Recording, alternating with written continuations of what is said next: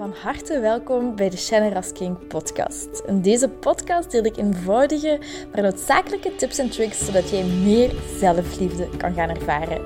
Want guess what? Je zit het fucking waard om van gehouden te worden. Ik heb er heel veel zin in en ik hoop jij ook. bye bye. Goedemorgen, lieverd. Goedemorgen, goedemiddag, goedenavond. Hopelijk gaat alles goed met u. Ik wens u alvast heel veel liefde en heel veel vreugde en heel veel positieve vibes en heel veel connectie en verbinding toe op deze dag, op dit moment. En hopelijk voelt je dat. Ik ga deze podcast beginnen met iets heel persoonlijks te delen. Ik heb, ehm, als je al langer naar mijn podcast luistert, dan weet je dat ik momenteel een masterclass systemisch coachen uh, aan het volgen ben. En ik heb nu twee weekends achter de rug. Er komen er nog twee of drie, ken ik weet het niet precies van buiten. En een van de opdrachten was om in gesprek te gaan met uw, uw papa en ook met uw mama. En met mijn mama ga ik dat volgende week doen.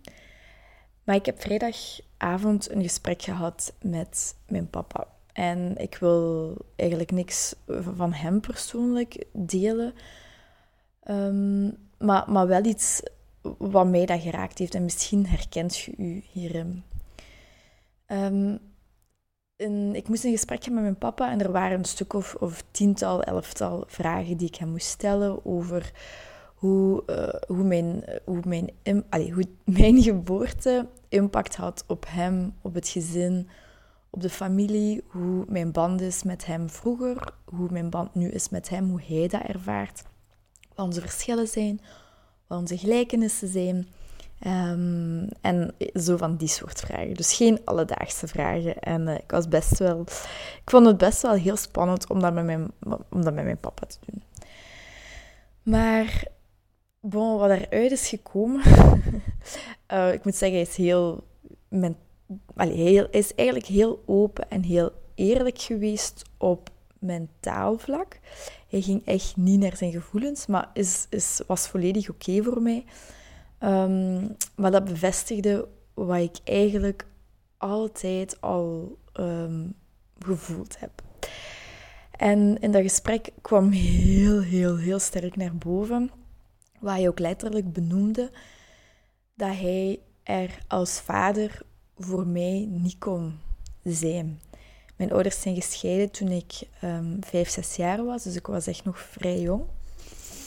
En er was op dat moment een faillissement uh, in de zaak van mijn ouders. Mijn, ik ben dan bij mijn mama en mijn, mijn, mijn, sorry, mijn grootouders gaan wonen. Maar mijn papa die had heel veel um, op dat moment. Nu heeft hij goed leven, heel goed leven. Maar toen had hij heel veel schulden. Um, heeft hij ook lang zonder domicilie moeten leven, omdat ze hem anders um, alles gingen afpakken. Uiteindelijk is dat allemaal na jaren goed gekomen.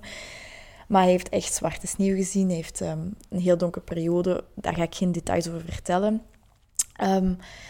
Maar alleszins, hoe hard het duidelijk werd dat hij echt aan het overleven was.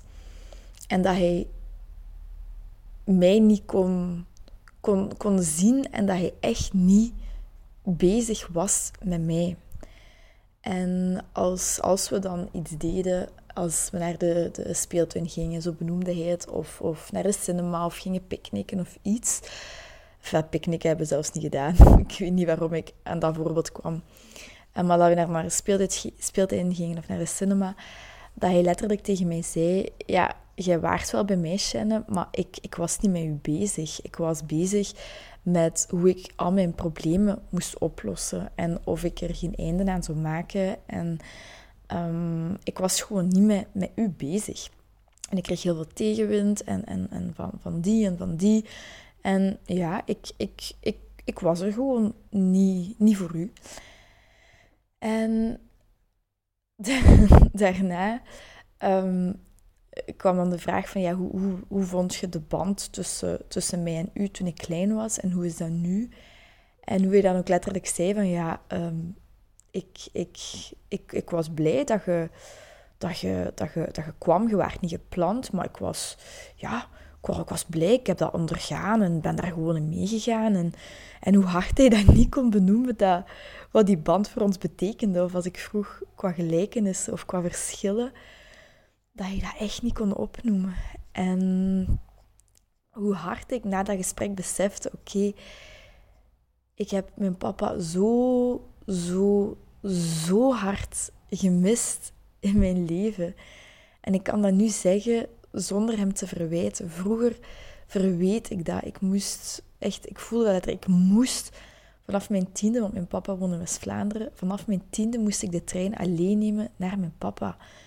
Mijn zusje, die is 17, die gaat nog altijd niet alleen naar de winkel. Ik bedoel maar, dat, dat is zo'n groot verschil. En ik heb hem dat heel, heel, heel lang verweten. Maar door, door met deze persoonlijke ontwikkeling bezig te zijn, um, heb ik dat leren loslaten. Heb ik, um, heb ik daar echt om gerouwd van, oh, ik heb mijn papa zo hard gemist. Want er zit zoveel liefde voor mij naar mijn papa.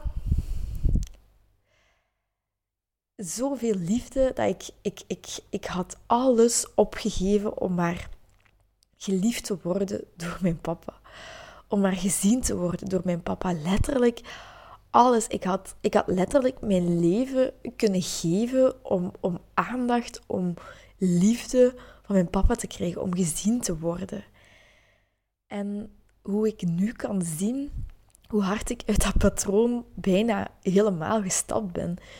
Ik heb heel mijn leven letterlijk van vanaf de scheiding van mijn ouders moest ik, heb ik zo gevochten om gezien te worden door mannen. Want gezien worden stond voor mij gelijk aan geliefd zijn. Als mannen mij maar mooi vonden, dan, dan was ik even gelukkig, dan was ik even vervuld, dan was dat goed voor, ja, voor mijn ego, laten we zeggen. Maar dat vervult u niet. En wanneer een man dan aandacht gaf aan een van mijn vriendinnen, of die vond eerst mij interessant, maar daarna ging die naar een andere vrouw, dan, dan, dan geraakte ik in paniek en dan kon ik me letterlijk dagen, weken slecht voelen en lelijk voelen. En dan kon ik met mijn hoofd tegen de muur slaan en dan, dan dacht ik aan mezelf te pijnigen. Ik heb dat nooit gedaan. Gelukkig heb ik een hele lage pijngrens, heb ik dat nooit gedaan. Ik heb het één keer geprobeerd, maar ik heb het nooit gedaan. Ik dacht, oké, nee, nee, nee, dit, dit, dit gaat niet. Maar ik was, ik heb zo hard gezocht, heel mijn leven lang, naar, naar gezien worden, omdat dat voor mij voelde als, als geliefd zijn. En wanneer je dat niet kunt ontvangen van, van je ouders, dan gaat je dat zoeken bij, bij anderen. En dus in mijn, op mijn gebied bij andere, met andere mannen. En dat resulteerde zich in, ik heb dat al vaker gezegd, denk ik, in meer make-up gaan dragen, speciale kleren aandoen, hakken beginnen dragen. Ehm, en mij heel erg toeleggen op, op, op verleiding en op seksualiteit. En, want ik, ik wist, ik voelde, maar dan trekt je natuurlijk een bepaald soort man aan. Als ik het met verleiden kan doen, met het seksuele, dan zien mannen mij. Maar de foute mannen. Maar dan zien mannen mij als ik mij maar uitdagend kleed en uitdagend dans en wat flirt. En heel goed, ik kon heel goed dat spel spelen tussen, tussen die, die verleiding en mannen toch maar wat bij mij houden. En, en vooral op dat, op dat seksuele inspelen. En zoals ik zeg, dan trek je gewoon net die mannen aan die, die u net niet zien. Want hun patroon is uh, vrouwen ook niet kunnen zien, ook niet genoeg verbinding kunnen maken met, met vader. Oké, dat is weer heel systemisch. Maar wanneer mannen ook een, een emotioneel afwezigere vader hebben, en dat kan langs de buitenkant lijken dat dat niet zo is, hè. maar daar kunt, je kunt dat echt niet weten als je, um, als je niet in een opstelling zit. Soms is het super duidelijk, maar soms ook echt niet. Dan, um, dan, dan dan worden zij ook, of dan willen zij ook heel veel vrouwen. Net zoals ik heel, veel, heel geliefd wilde zijn door mannen. Ik, weet, ik wist dat ik, toen ik acht, negen jaar was en ik, um, ik bad toen nog elke avond. Ik ben wel katholiek opgevoed en elke avond deed ik een gebedje. En ik bidde echt, of bad, ik weet niet wat verleden tijd is. Ik bidde of bad dat tien jongens verliefd op mij waren. En Vincent moest verliefd op mij zijn. Ik was negen of tien jaar, ik had nog nooit gekust. Hè. Die moest verliefd op mij zijn. Dat was iemand van paardrijden. En iemand van mijn school. En iemand daar. En, op jonge leeftijd had ik dat al. Ik wilde, ik wilde gezien worden en geliefd zijn. En ja. en hoe hard ik, dankzij dat gesprek, ik heb daar echt, na dat gesprek heb ik echt gehuild van, ja, het gaat, mijn papa gaat mij nooit zien zoals ik wil dat ik gezien word. En die rouw had ik echt nog voor de laatste keer, de laatste keer, dat weet ik niet, op te nemen. Ik zou alles, en ik heb letterlijk ook in de coaching van deze week um, met mijn coach dan moeten zeggen tegen mijn papa: Papa, ik zou alles voor u over hebben, maar het komt nooit meer goed en je zult mij nooit zien zoals ik wil dat je mij ziet. En dan, op dat punt is het heel gemakkelijk om de verbinding te verbreken met je papa of met je mama als je daar kwaad op bent. Maar het is net die rouw opnemen en beseffen, oké, ik heb u zo gemist in mijn leven. Ik heb u echt, echt, echt gemist in mijn leven. Maar nu kan ik het zo helder zien waar, waar, waarom het is en dat eigenlijk niks met mij te maken heeft. Het heeft niks met mij te maken. En mijn papa kan het gewoon niet. Er, er speelt te veel. Er, er... En ik denk dat oprecht dat ik hem Ehm, te veel laat, laat, laat voelen of zo. Want hij is nu nog, hij zijn blik is op zijn vrienden. Die hebben een extreem grote vriendenkring. En, en ja, wat show. En, en dat alles goed gaat. En, en ik heb daar geen, geen plek in. Ik, ik zit zo onder de radar. En dat accepteren dat dat er is, dat ik nooit zo gezien zal worden als ik, als ik wil dat hij mij ziet. Terwijl ik weet dat hij ziet mij graag, hè, maar hij zal mij nooit zo zien, nogmaals, dat ik gezien word die rouw opnemen, daarom treuren, maar daarna ook zien wat er wel was. Dat hij mij het leven gegeven heeft. Dat op zich al is genoeg, maar ik weet dat er nog zoveel meer is. Ik weet dat mijn papa mij ook graag ziet. Um, misschien niet op een manier die ik, of misschien niet zoveel als ik zou willen. maar hij heeft mij het leven gegeven. En hij heeft drie maanden in Spanje gewoond. Hij is speciaal teruggekomen omdat hij mij miste. Ehm, hij is mij komen halen van West-Vlaanderen, hier in Limburg, de eerste, het eerste jaar. Om de twee weken, weekend. Ehm, en dat, ik zou dat vanzelfsprekend vinden misschien. Of, en mijn mama vindt het ook vanzelfsprekend dat je dat gewoon doet. Ergens kan ik dat ook in begrijpen, maar ik hou me dan ergens ook wel vast aan die kleine dingen van oké, mijn papa ziet mij, ziet mij graag. En daar, daar ben ik ook zeker van, maar ik heb hem gewoon heel hard gemist. Maar nu kan ik zien, het is niet, um, heeft niks persoonlijks met mij te maken. Mijn papa heeft zelf een emotioneel en fysiek afwezige papa gehad. Dus die heeft dat voorbeeld gezien. dus dat was het persoonlijke. En wat ik hierin wil zeggen is, als je dit herkent, een, een emotioneel afwezige papa, of dat je je ouders kunnen u nooit volledig geven wat je wilt. Hè. En het is net wat ik zeg, die rouw opnemen, maar ook kijken naar wat er wel is. Maar eerst, eerst, eerst voor jezelf eens nagaan, waarin heb ik, ben ik tekortgekomen van mijn ouders? En je moogt even boos zijn en verdrietig en echt dat doorvoelen, doorvoelen wat je tekort bent gekomen, wat, dat je hem gemist hebt, dat je, dat je oh, wat ook mag zijn. Waar zit jij tekort gekomen? Waarin voelt je je tekort gedaan? Waarin vind je dat ze echt een fout hebben gemaakt? Dat ze er niet voor u zijn geweest? Ga dat eens na voor jezelf. En um, je kunt dat opschrijven. Je kunt ook een, een, een, je handen in een kommetje leggen of een tasje nemen en daar je verdriet in opvangen. En dat mag overstromen, dat mag echt overstromen en echt dat doorvoelen. En als je voelt, oké, ik heb hierom gerouwd. Ik, ik, heb, ik ben er nu even door, door de eerste laag van verdriet of, of, of weet ik veel. Is het heel belangrijk om te zien wat er wel is geweest. En om dankbaar te zijn dat ze er wel zijn geweest. Uw mama of uw papa, of uw papa en uw mama. En wees dankbaar dat zij u het leven hebben gegeven. Jij waart er niet zonder hen. Ze hebben ook hun best gedaan wat ze op dat moment konden doen. Wees dankbaar dat ze het leven hebben gegeven. Wees dankbaar voor de momenten dat ze er wel zijn geweest voor u. Wanneer zijn ze er geweest voor u? Wanneer hebben ze u wel gesteund? Wanneer voelt je dat ze er wel zijn voor u? um, ga dat eens voor jezelf na. En, en, maar ween eerst. Het is echt belangrijk om, om te rouwen. En, en het is oké om, om kwaad te zijn en verdrietig te zijn. En uh, gewoon echt het eruit te laten. Het is daarna ook heel belangrijk om, zoals ik zeg, dankbaar te zijn. Te kijken naar wat er wel is. En u dan ook terug te verbinden innerlijk met uw mama en met uw papa. Hoe moeilijk dat ook kan zijn. Maar als je afsluit van uw mama en uw papa, en, of een van de twee, dan kun je nooit de volledige verbindingen aangaan in je andere relaties. Dat is gewoon super belangrijk. En dan sluit je ook af van jezelf.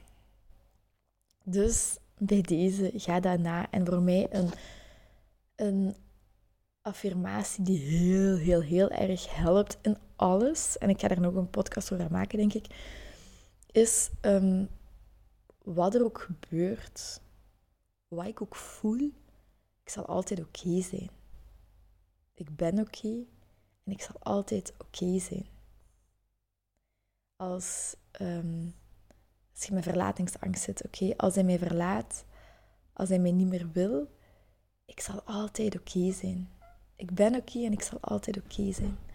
Of um, wanneer ik in, in paniek, in een, een soort van paniek zit, oké, ik zal altijd oké zijn. Ik ben oké, ik zal altijd oké zijn. Neem die affirmatie mee als het soms overweldigend kan worden.